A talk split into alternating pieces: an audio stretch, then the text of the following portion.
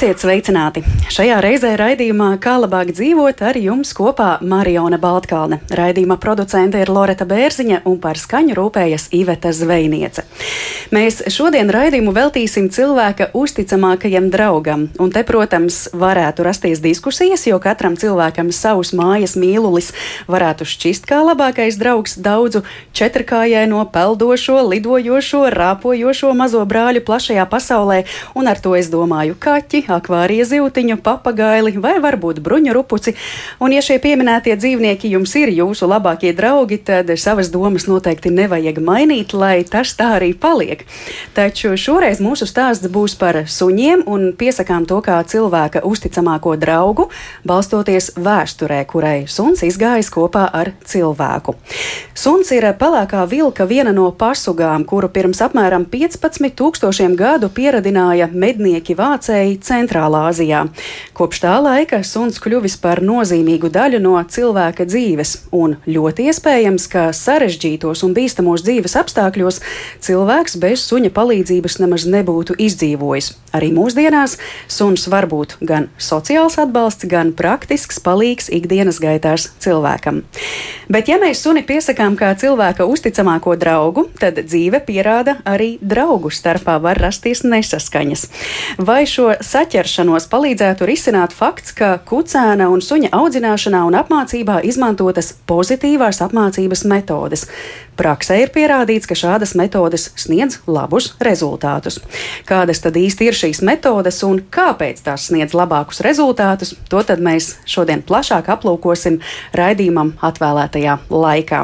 Un šos un noteikti vēl citus jautājumus, tostarp arī jūsu klausītāju uzdotos jautājumus, mēs iztirzāsim kopā ar mūsu viešņām. Un studijā pie mums ciemos ir kinoloģe Laine Kupča. Labrīt! Labrīt! Un suņu uzvedības speciālists speciāliste Līga Zvirgzdiņa Grebina. Labrīt! Labrīt!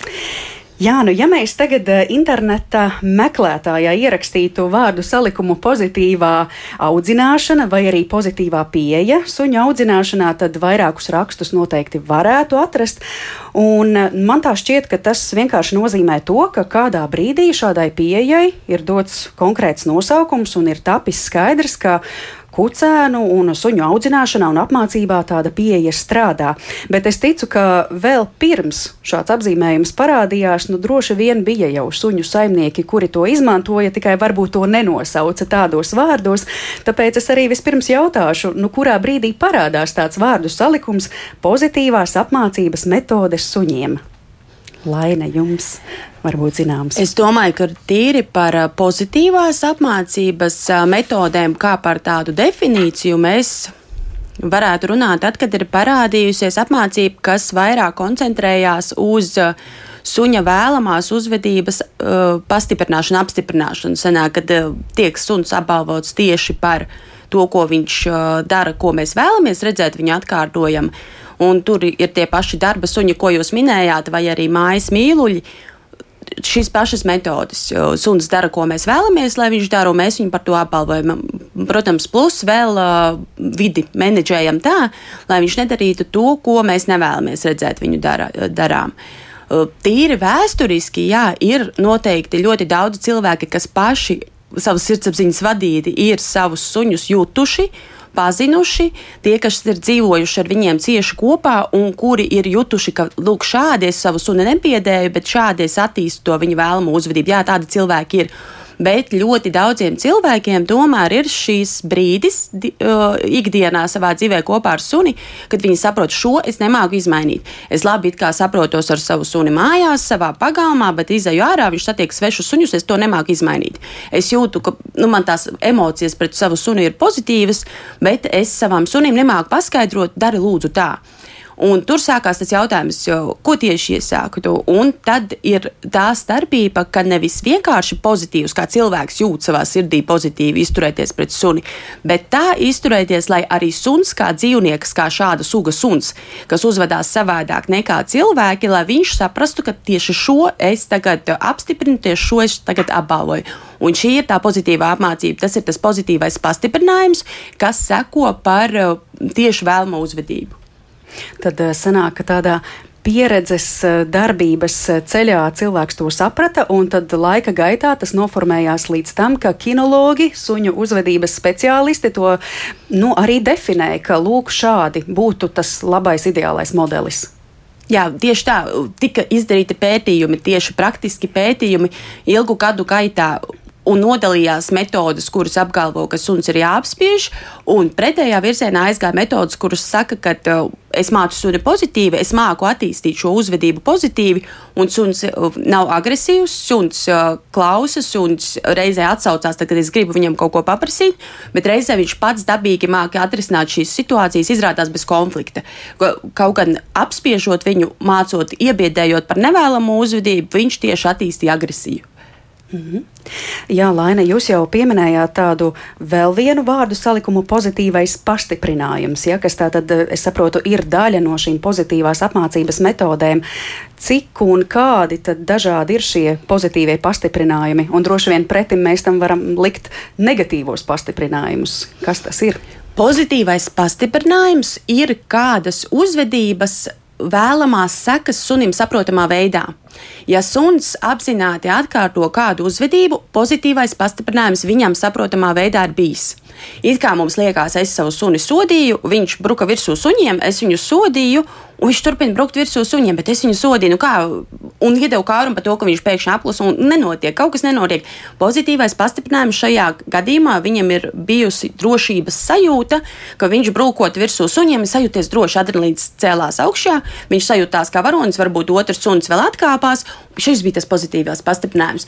Cilvēkam ir jāmāk šo pozitīvo pastiprinājumu pasniegt sunim saprotamā veidā, reizē tā, lai viņš būtu spējīgs konkurē, konkurēt ar uh, dzīvē esošo pozitīvo pastiprinājumu. Suns var mācīties vispār bez cilvēka palīdzības. Viņš var būt dzīvot uz ielas, un arī tur viņam būs negatīvais pastiprinājums, kas nozīmē, ka viņš izvairoties no kaut kādām nepatīkamām sekām mācīsies kādu citu uzvedību. Un reizē viņam būs arī šis pozitīvais, un viņš zinās šo uzvedības atkārtošu. Cilvēkam ir jāiepazīst suns kā suga, kā suns, tieši šis dzīvnieks, lai izprastu viņu konkrētajā situācijā, lai kaut ko varētu mainīt. Tad es saprotu, ka tas pozitīvais pastiprinājums tam ir jānāk īstajā brīdī, pareizajā laikā. Nevis, ka vienkārši es iedodu tur kādu kārumiņu, paslavēju, bet noķeru to situāciju, ka tas ir vajadzīgs. Kārums ir pats vieglāk cilvēkam kontrolējamais pozitīvais pastiprinājums. Pārtika, garšīga pārtika, īstajā brīdī vēl aizripināta pa zemi, kas atkārto it kā medījumu, suns meklē, atrod, it kā tur notiek ļoti liels pozitīvs foršs process, un cilvēkam viegli to kontrolēt.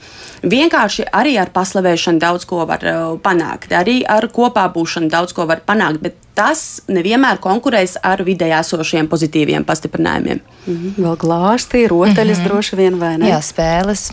Uh, jā, tas, ko es arī varētu piebilst, nu, tā, tādā varbūt īsākā teikumā, ko es primāri vienmēr saku visiem saviem klientiem, ir suns vienmēr atkārtos darbību, kas viņam izdosies un nesos, nesīs dabisko vajadzību apstiprinājumu.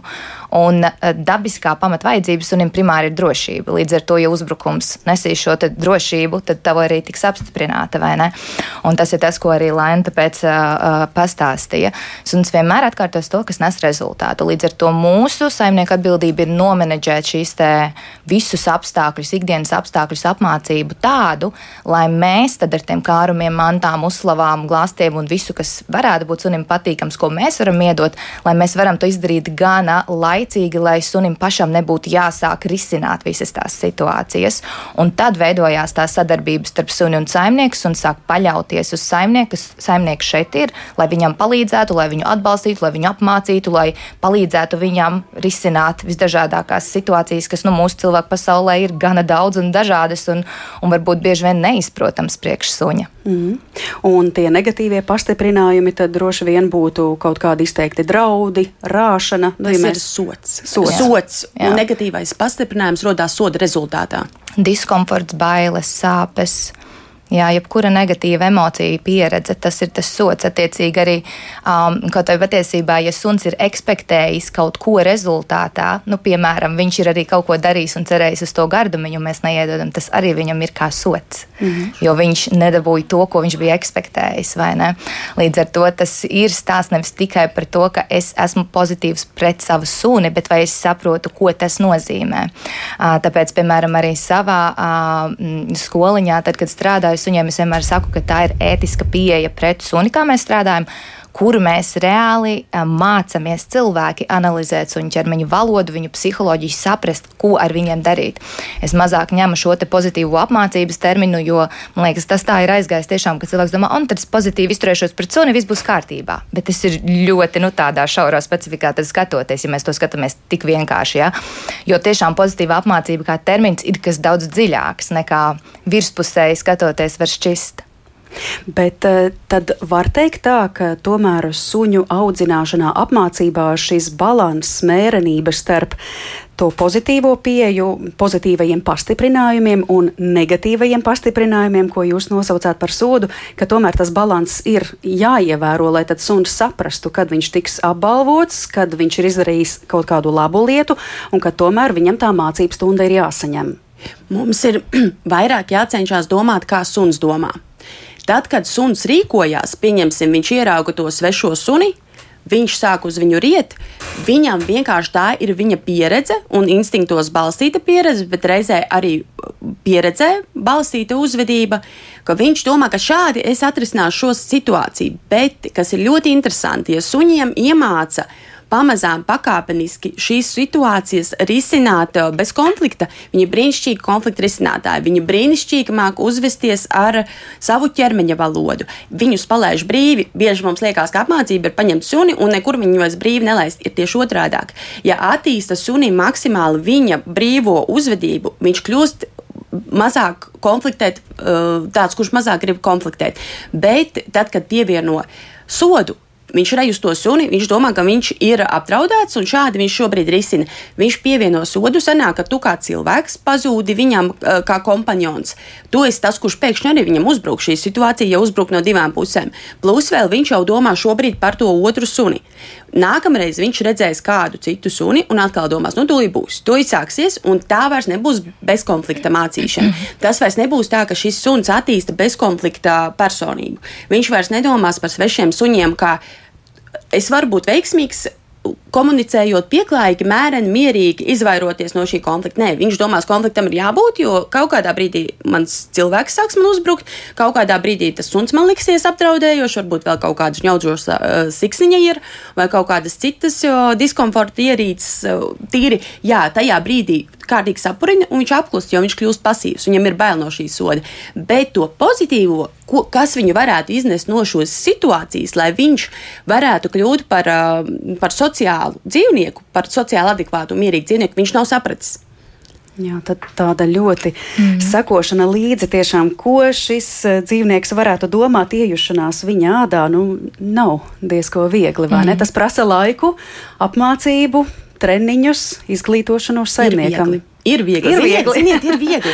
Tad, kad mēs pārstājam domāt, ka sunim ir jāiet uh, 5 km blakus pastaigā, Jā. un tad mēs mocamies uh, gadus, nezinu, tos 5 arī, lai mēs to panāktu.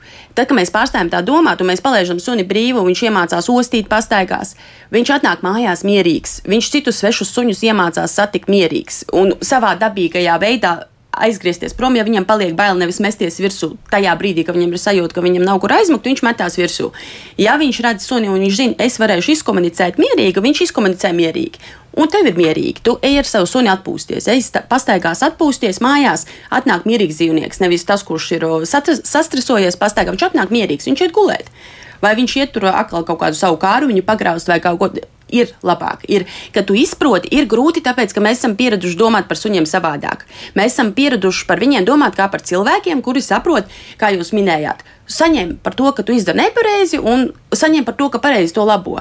Mēs esam pieraduši, ka viņi domā kā mēs, viņi nedomā kā mēs. Mēs viņus varam mācīt pilnīgi no otras puses un būt laimīgi abi divi. Vienkārši, nu jā, cilvēkam šoreiz jādomā vairāk. Ir. Cilvēka atbildība ir domāt vairāk, saprast savu suni un tiešām viņu mācīt kā dzīvnieku. Nevis kā cilvēku, kurš tagad saprot, par ko ir sots, bet kā dzīvnieku.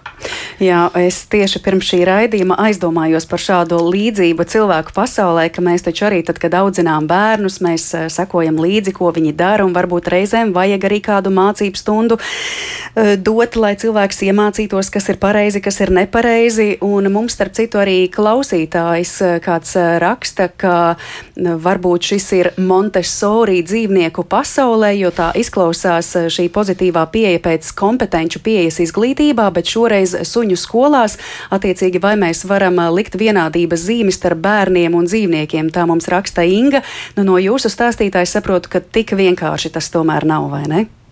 Jā, jo, nu, protams, kā pieeja, arī tās Montesori pieejas, vai ne, viņas jau ir arī ar pētījumiem balstītas, mūsdienās attīstītas, tāpēc, ka tas veicina vairāk tiešām to bērna attīstību, ja nevis ieliek viņu rāmjos robežās, kā tas ir bijis, jā, arī agrāk, un tāpat arī ar suņiem mēs paņemam suni, ieliekam viņu vienkārši rāmjos robežās, un tu vari tikai un tikai šādi un nekā citādāk, ja gana daudz apspiežot suņu dabiskās izpausmes, nu, tad, tad šobrīd tas ir tiešām tiešām tas stāsts, ka it kā ar to Montesori es parasti nu, tāds ar joku saku, jā, bet, protams, ka sunim un bērnam likt vienādības zīmi mēs nevaram, tāpēc, ka suns ir suns, bērns ir bērns. Un, un tas ir tas, ko es vienmēr teikšu, ka tāpēc mēs izglītojam cilvēkus, jo mums ir jāapzinās, ka suņu ķermeņa valoda ir pilnīgi pretēji, piemēram, bērnu un cilvēku. Uh, pieeja jā, pieejas ideoloģija var būt tas ir kaut kas līdzīgs, vai ne? Jo šeit tas, tas galvenais moments ir nevis vienkārši tādā vieglākajā variantā apspiest kaut kādu to tavu emociju, jā, tāpat kā bērni, tāpat suņa, ja tu nejūties labi šajā vidē, nu, tiec galā pats, ja tev ir jābūt šajā vidē. Bet tu reāli saproti savu suni un tu pakāpeniski palīdzot viņam, pielāgojoties savam sunim panāca, ka viņš jūtas labi tajā vidē. Šai pozitīvajai pieejai viņai nav mērķis nepanākt precīzi to pašu rezultātu, ko agrāk ar sodīšanu panāca. Tas ir precīzi tas pats. Mērķis mums visiem ir viens, vai ne? Vienkārši tehnika atšķirās, kā to panāc. Un šajā pozitīvajā, ētiskajā pieejā pret suni mēs reāli saprotam suni, saprotam viņa dabiskās pamatvajadzības, sākam ar to, ka mēs viņas visas kārtīgi kvalitatīvi nodrošinām, kas jau ir bieži vien liela problēma, ja, ka mums beigās uh, ir sajūta, ka nav laika to visu nodrošināt tam sunim, vai ne? Bet, ja mēs to visu nodrošinām, ja mēs veidojam veiksmīgu apmācību un sunim pielāgotu to apmācību, tieši pastiprinot visu laiku viņa veiksmīgi izdarītās rīcības, darbības, uzvedības, ja plus vēl es pats organizēju apstākļus tā, lai tu būtu veiksmīgs tajās situācijās, tad suns ļoti ātri iemācās. Un es tieši to arī visiem šobrīd saviem klientiem saku. Man ir trīs gadnieks, un, un man ir suņi, ar suņiem ir vieglāk. Tā kā neliekam vienādības zīmi. Jā, tas vienkārši, kāpēc es pirmīt arī iedomājos, ka tas ir sarežģīti, jo man liekas, vienkārši šis posms līdz brīdim, kad suns jūtas labi, tajā ir jāiegulda laiks un saimniekam ir jāizglītojas. Ja? Bet tad, kad tas ir apgūts un suns jūtas labi, tad ir tā kā jūs, Laina, teicāt, ka nu, pēc tam vairs nav grūti, ir viegli. Jā. It sevišķi tiem, kam tiešām patīk ar savu suni atpūsties kopā, iet un tā brīvi zināt, ka viņš ir ar tevi un tu esi ar viņu. Jūs ejat kaut vai kādā kafejnīcā, pasēdēt, tur izstaigāt starp cilvēkiem, un tur nav problēmas. Nebūs katreiz jāiespringst uz blakus vai sēdēšanu vai gulēšanu, kā nu tagad, tagad tikt ar to suni galā, kā to sauc, jā, kā viņu pakļaut, kā tur parādīt, kā šo situāciju atrisināt. Viņš pats ir iemācījies, viņš pats izdara tās vēlamās izvēles. Tu redzi, ka viņš šobrīd nejūtās droši, ka tur tas trīsreiz lielākais suns nāk pretī. Tu jūti, viņš grib paņemt to aplīti apkārt viņam, nu, paieja aplīti ar viņu kopā. Un, bet tas ir tik uh, organiski notiek, harmoniski, ka jūs abi divi kļūstat mierīgi. Un tā ir izbaudīšana. Jā. Starp citu, vai ir kaut kādas nianses, kas atšķiras tajā audzināšanas brīdī, kad saimnieks ir pats ar savu suni mājas apstākļos, un tajā apmācībā, kad suns tiek sūtīts suņu skolā, vai tur atšķiras kaut kādas pieejas eh, šajā, šajos pozitīvajos pastiprinājumos, ko lietos vienā gadījumā, ko otrā, vai tas tā nemainās. Tas droši vien ir atkarīgs arī no cilvēka un uz kurien viņš aiziet. Jo man ir bijuši klienti, kas nāk, kas ir gājuši pie citiem treneriem. Viņi pēc tam atnāk pie manis, jo sirdī viņiem tas, ko es pēc tam stāstu, šķiet uh, gana pieņemamāks. Ja? Bet tad, kad tu, piemēram, meklē to skoliņu, tu jau nezini, cik daudz dažādas opcijas ir. Tad tu aizēji pie kā, kur tu atopies, un tad tu vienkārši sajūti vai nesajūti to skolu. Līdz ar to var būt tā, ka skoliņā tev māca citādāku pieeju, tu tur aizēji, nu, ja jau tev saka, tu dari. Bet uh, es vienmēr tāpēc lieku aizdomāties, vai mums tiešām šķiet, ka tas ir ok, tas, ko mēs darām, vai ne? Jo tās tehnikas ir tiešām dažādas, kā strādā ar suņiem.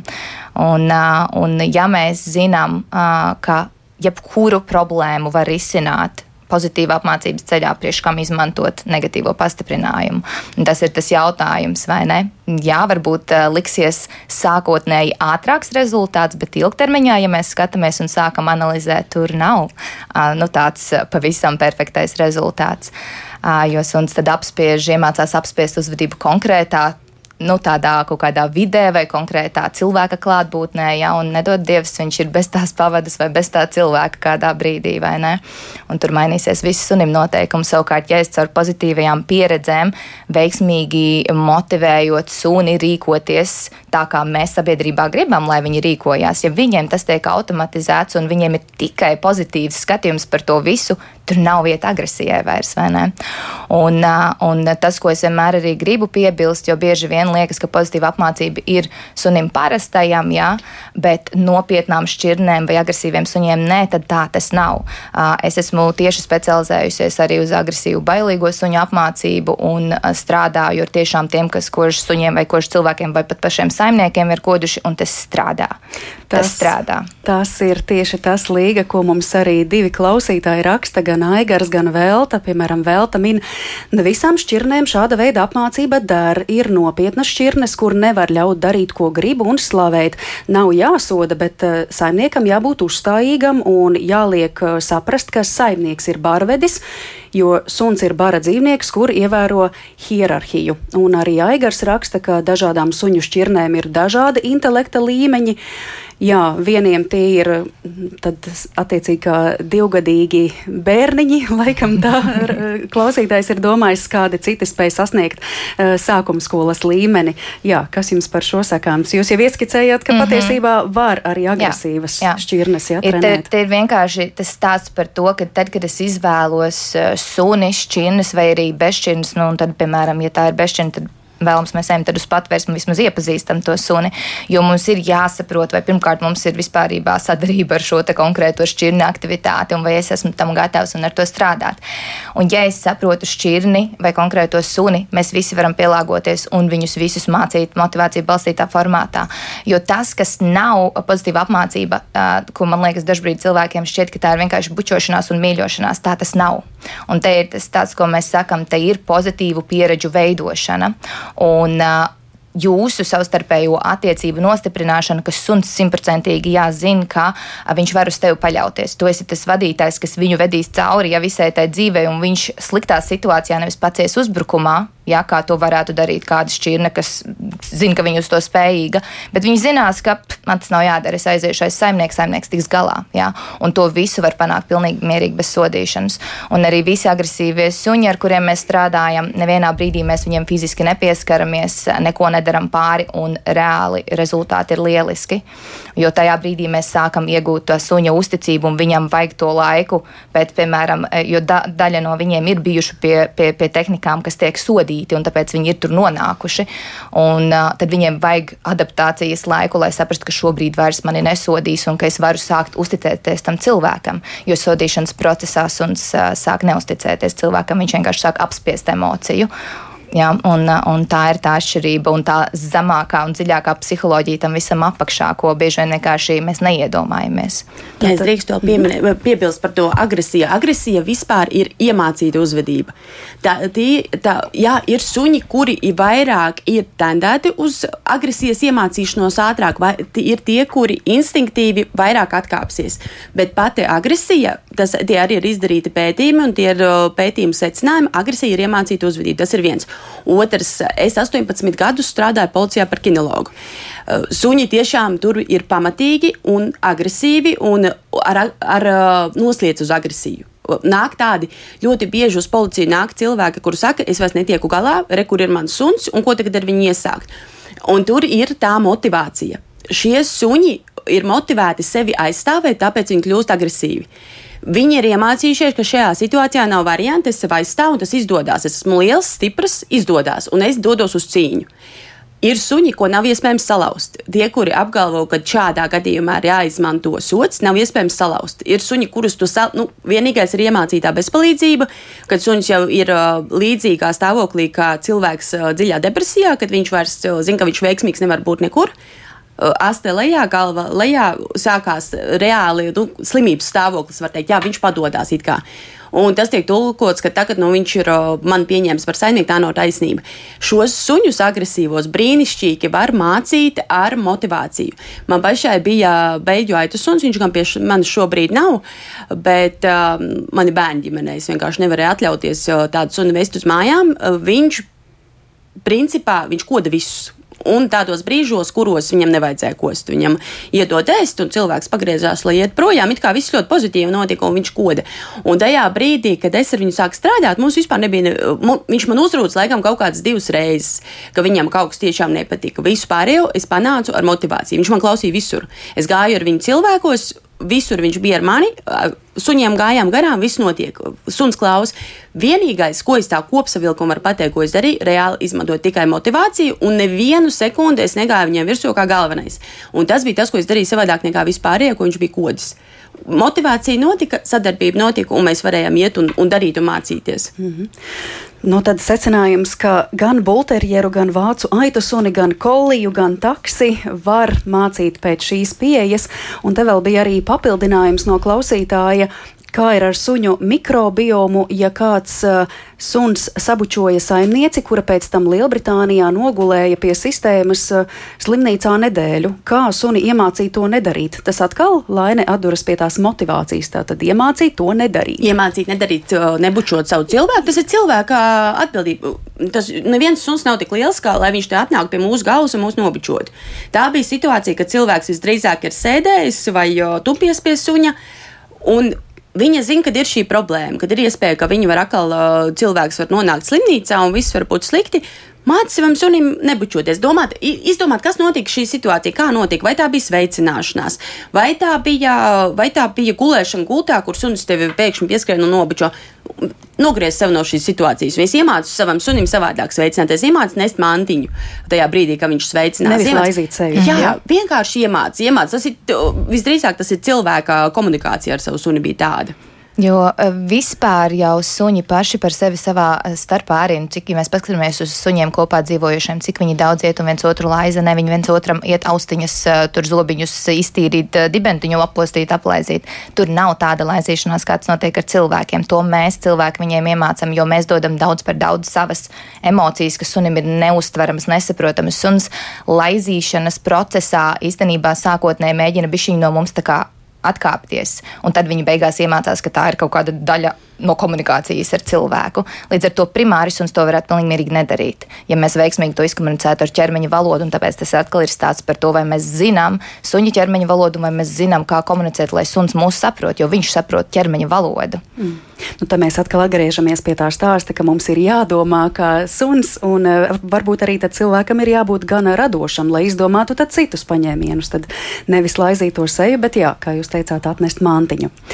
Jā, mēs turpināsim stāstu stāstu par eh, pozitīvās audzināšanas eh, metodēm eh, suņiem arī pēc nelielas muzikālās pauzes. Tā kā klausītāji, ja jums būs vēl kādi jautājumi, droši izklāstiet tos mums, bet jā, mēs dodamies nelielā atpūtas pauzē. Kā labāk dzīvot?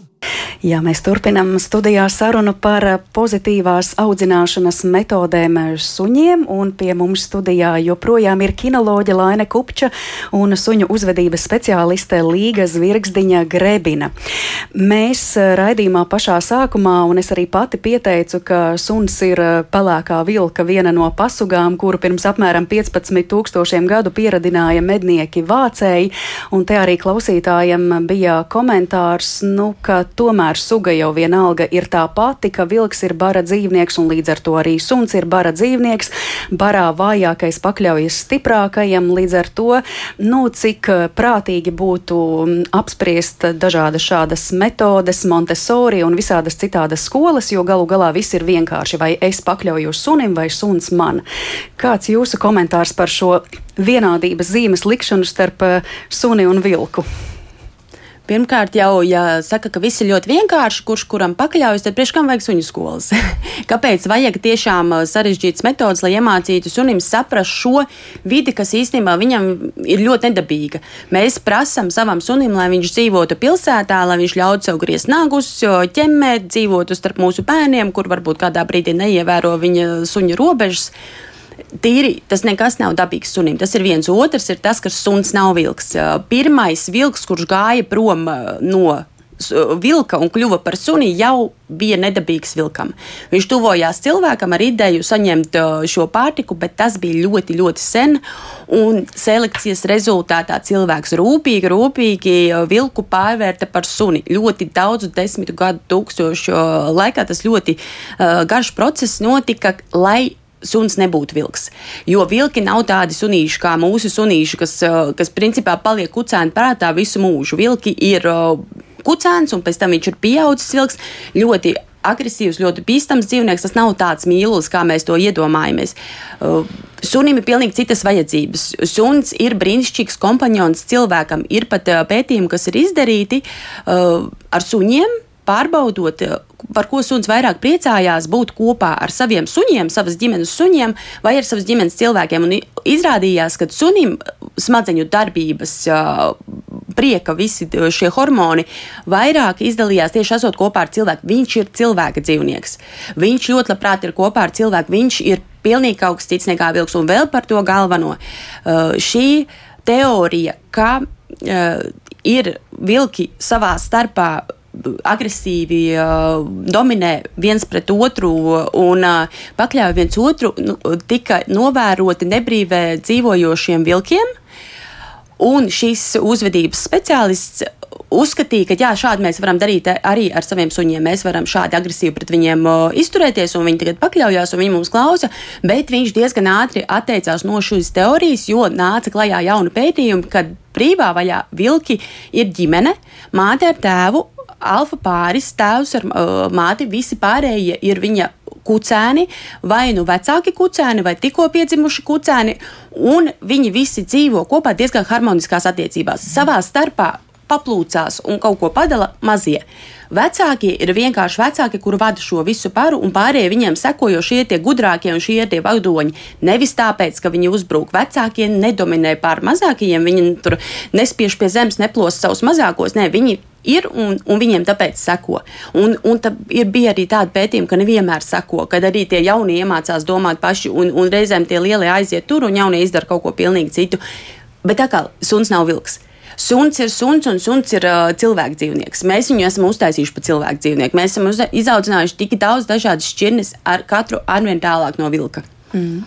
Mēs jau raidījuma laikā esam pārvilkuši svītru pāri divām vienādības zīmēm, ka suns nav tas pats, kas cilvēka bērns. Pat ja mums tieši tāpat kā e, cilvēka bērnā arī sunī ir jāiegulda daudz laika apmācībā, tomēr tas nav viens un tas pats, un suns nav vilks. Suns ir suns.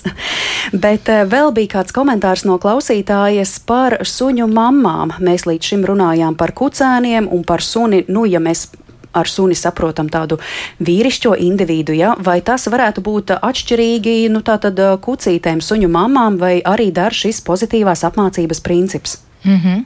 Protams, jā, jeb, jebkuram, jebkuram der no jebkura vecuma, jeb, vienalga, kurai šķirnei, bezšķirnei, vecumam, izmēram, tam nav nozīmes. Suns ir suns, un viņi visi ir ar savām dabiskajām pamatvajadzībām, ko mums ir jānodrošina, ja mēs to suni paņemam. Tā ir tā atbildība, ko mēs uzņemamies. Ja mēs to nevaram izdarīt, mēs nemaz neņemam suni, jo priekš kam sunim būt tajā vidē, kur viņam netiks nodrošināts tās dabiskās vajadzības, vai ne? Viņi netika dzemdēti, lai viņi nebaudītu to dzīvi arī tā, kā sunim pienākās, vai ne?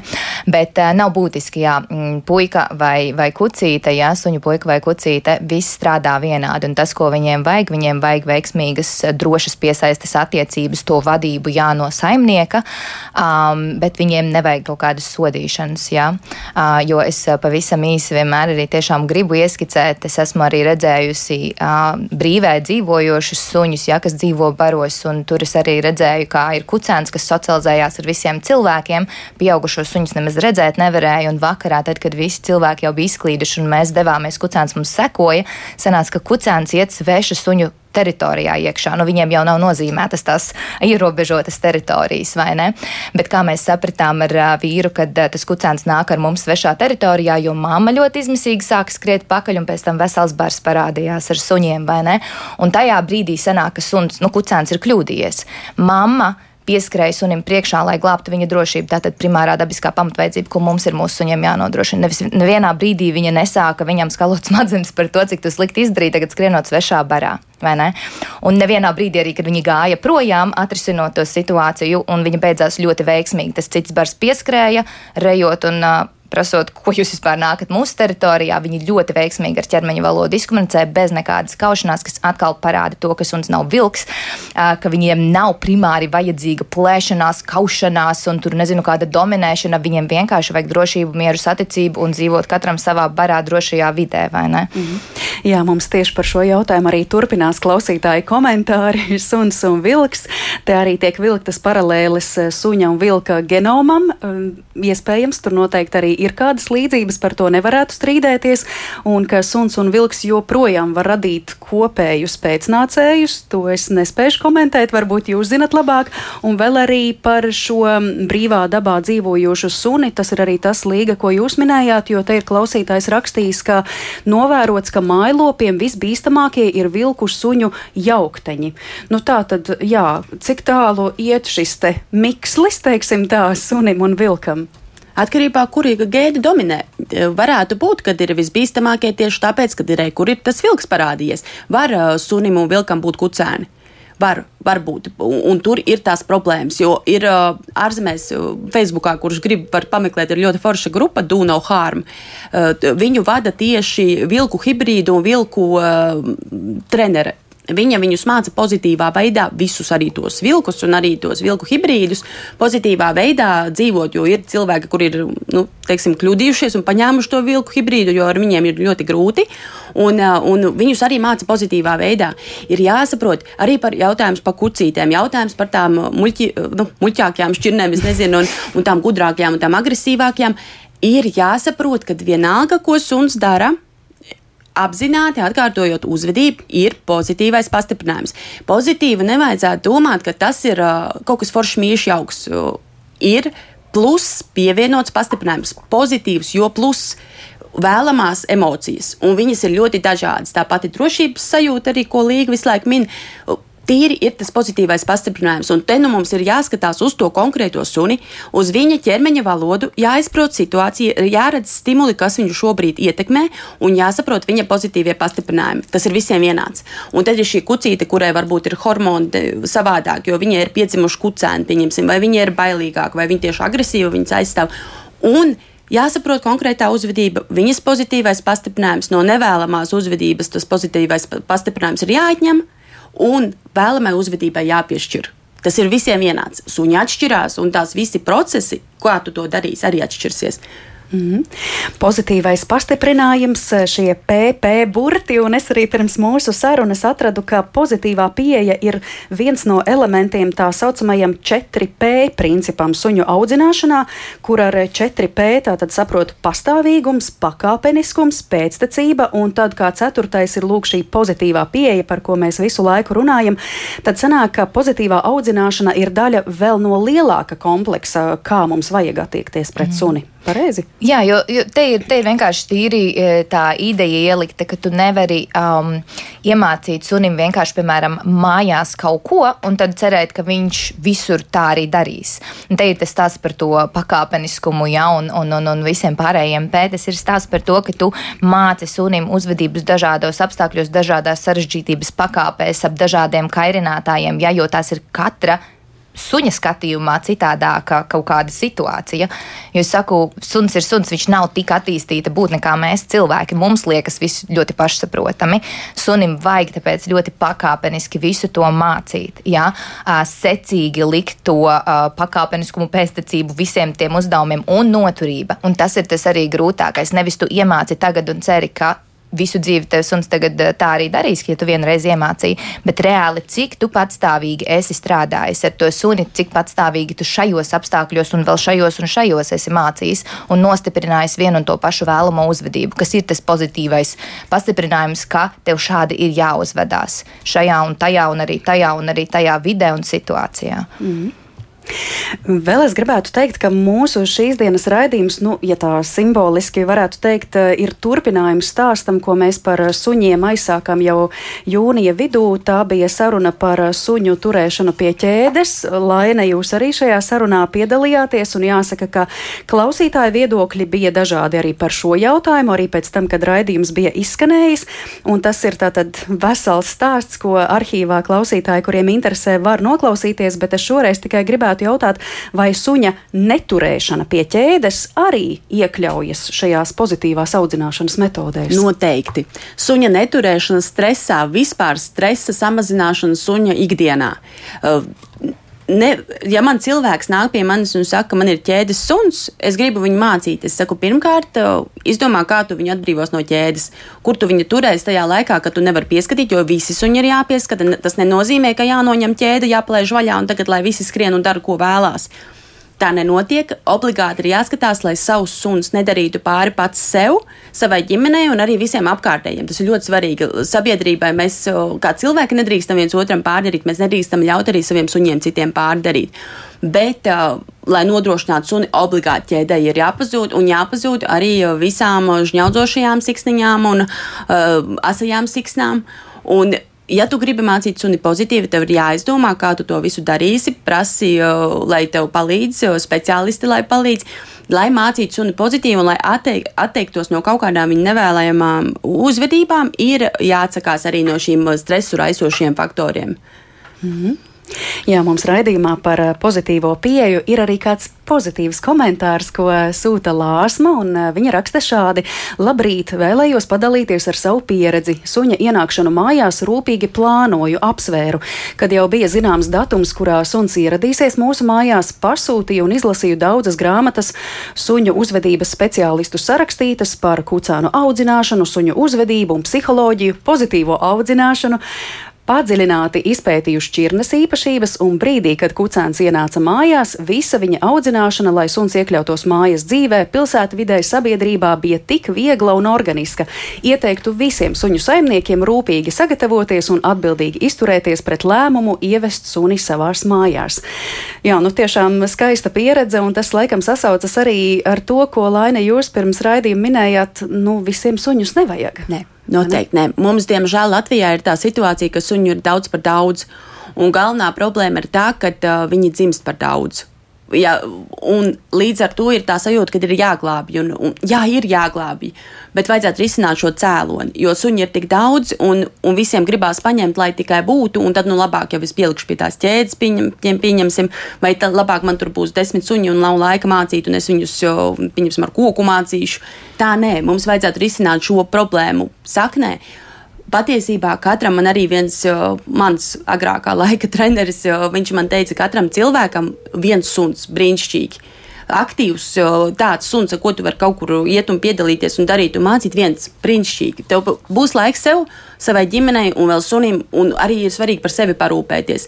Savas vajadzības apmierināt, savas ģimenes vajadzības, arī suņa vajadzībām, tad laiks atradīsies. Ģimene nebūs saskābuši pret suni, ja tev ir pieci suņi un tu viņiem laiku nevelti, pieņemsim. Katram cilvēkam nevajag suni. Kamera šodien, šo, šajā brīdī maksā 11 eiro mēnesī. Galva nesāp, tev atnāk uz telefonu. Bilde, ja tev kāds ieradies tavā pagalmā, tu vēl vari viņam kaut ko paziņot, viss notiek. Tev tas suns, kas tur karājās ķēdes galā un reju uz katru putnu, tas jau pilnīgi nav vajadzīgs nelaimīgais dzīvnieks tavā pagalmā. Mm -hmm. Līga, es zinu, ka jūs arī esat guvusi starptautisku pieredzi, skolojusies šajā suņu apmācības metodēs. Tas viss, ko jūs apguvāt ārzemēs, un, un ticu, ka arī Laina ir visam tam sekojusi līdzi, vai tas viss tā veselīgi tad ienāk Latvijā? Ir tā viens pret vienu, kas ir citur, tas ir arī pie mums. Jā, jā, jā, šobrīd arvien vairāk, paldies Dievam, šīs izglītības ir pieejamas līdz ar to arvien plašāk un vairāk cilvēki sāk skoloties. Arī Latvijā ir ļoti, nu jau vairāki šie uzdības speciālisti speciālisti, kas ir skolojušies turpat, kur es. Un, jā, jo šīs visas studijas ir tiešām uz jaunākajiem pētījumiem balstīti, kur tu tiešām pēti, skaties visu par un ap šī brīža suni. Jā? Neejot kaut kādos tikai vēsturiskos aspektos un neanalizējot suni pēc vilka vai ne, ko mēs jau pārunājām. Attiecīgi, jā, kļūst arvien labāk, un jo cilvēki, protams, jau arī Latvijā sāk skatīties, nu kāpēc, piemēram, citās valstīs, kur ir krietni arī sakārtotāk labturības visi noteikumi un vispār likumi par un ap suņu turēšanu un apmācību. Ja? Tur kāpēc ir mierīgi suņi vai ne.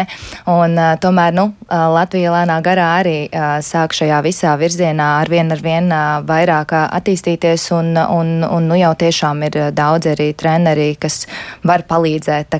Ne tikai, ne tikai mēs, bet ir vēl arī Latvijā pieejami cilvēki, kas spēs izglītot un pastāstīt par šo pozitīvo uh, pastiprinājumu un uh, pieeju par suņa ķermeņa valodu dabiskajām vajadzībām. Mm -hmm. Tā tas ir. Es eh, raidījumā noslēgumā gribētu atgriezties pie jautājuma, ko es eh, uzdevu ievadā. Ja mēs eh, suni saucam par cilvēka uzticamāko draugu vai saķeršanos draugu starpā, palīdzētu risināt fakts, ka kucēna un suņa audzināšanā un apmācībā izmantotas pozitīvās apmācības metodes. Tad es atkal šo jautājumu varu uzdot noslēgumā. Jā, vai šī pozitīvā pieeja tad atmaksāsies? Varbūt tas atmaksājas tādā veidā, ka šī saķeršanās sarunās starp draugiem, cilvēku un suni nemaz nenotiek. Jūs domājat tieši agresiju, ja? kad, kad nu, jā, kaš, teikšu, godīgi, teikšu godīgi, ja tu dzīvo ģimenē ar suni, ir citreiz, kad viņš izdara kaut ko, kas tev nepatīk, vai tu izdari viņam, kas nepatīk. Bet ja jums ir šī pozitīvā pieredze, bagāža, tad jūs apmēram kā cilvēki, kas dzīvo kopā, kam ir tā sliktā diena un ka viņi tur uzrūc viens otram, un tad ir atkal tās pozitīvās dienas, notušē to visu. Un suns, pieņemsim, ja suns dzīvo ar bērniem, kas viņu māca respektēt, bērns skrien, spēlējās bumbiņu, uzkrīt nejauši suņam mirsū, viņam sāp. Suns nereaģēs tā, kā tas suns, kuram jau ir sakāpis dienu dienā, ka bērns viņam kāpj virsū, rauj ausis, plēš zobus, rauj asti un pēkšņi uzkrīt ļoti sāpīgi. Un tam sunim sakrājies, viņš var atbildēt ar agresiju. Šāds suns, kurš ir pieredzējis, ka principā mani ņem vērā, bet nu reku gadījās. Un tie ir tās attiecības, ir tās mērenas. Suns ir iemācījies būt mierīgs un mērens. Viņš ir ģimenē, viņš jūtās droši. Neviens, viņ, viņš zina, ka nebūs, nebūs nekādas viņa robežu pārkāpšanas speciāli. Un tas gadās, jā, kā cilvēku starpā, tā ar suni, suņiem savā starpā gadās arī, ka kaut ko pēkšņi viņi nevar sadalīt. Visu laiku bija viss kārtībā, pēkšņi nevar cilvēks mierīgi to visu izrisina, izved to situāciju, izved pozitīvu nodala, suņus iet pa vidu, viss notiek, suņi nomierinās, un atkal pēc tam viņi varēs forši būt kopā. Nevis tā kā tie, kur ir spiesti, visu laiku paciest, paciest, paciest un tad viņi dod ārā to, kas īstenībā sakrājās. Mm -hmm. Jā, untumi var rasties, bet mēs varam izdarīt visu labāko, lai tos nogludinātu pēc iespējas patīkamāk abām pusēm šajā draudzībā. Līga un Laina, es jums abām saku lielu, lielu paldies, ka jūs izvedāt mūs šodien cauri tādam plašam stāstam par suņiem un arī vilkiem. Es saku paldies eh, šīs dienas viešņām, un tās bija kinoloģe Laine Kupča un suņu uzvedības eh, speciāliste. Un paldies arī jums, klausītāji, par jūsu uzdotajiem jautājumiem, par eh, komentāriem, par to, ka pavadījāt šo stundu kopā ar raidījumu, kā labāk dzīvot. Par šo raidījumu gādāja producente Loreta Bērziņā, pie skaņa pults bija Iveta Zvejniece, bet pie mikrofona Mariona Baltkalne.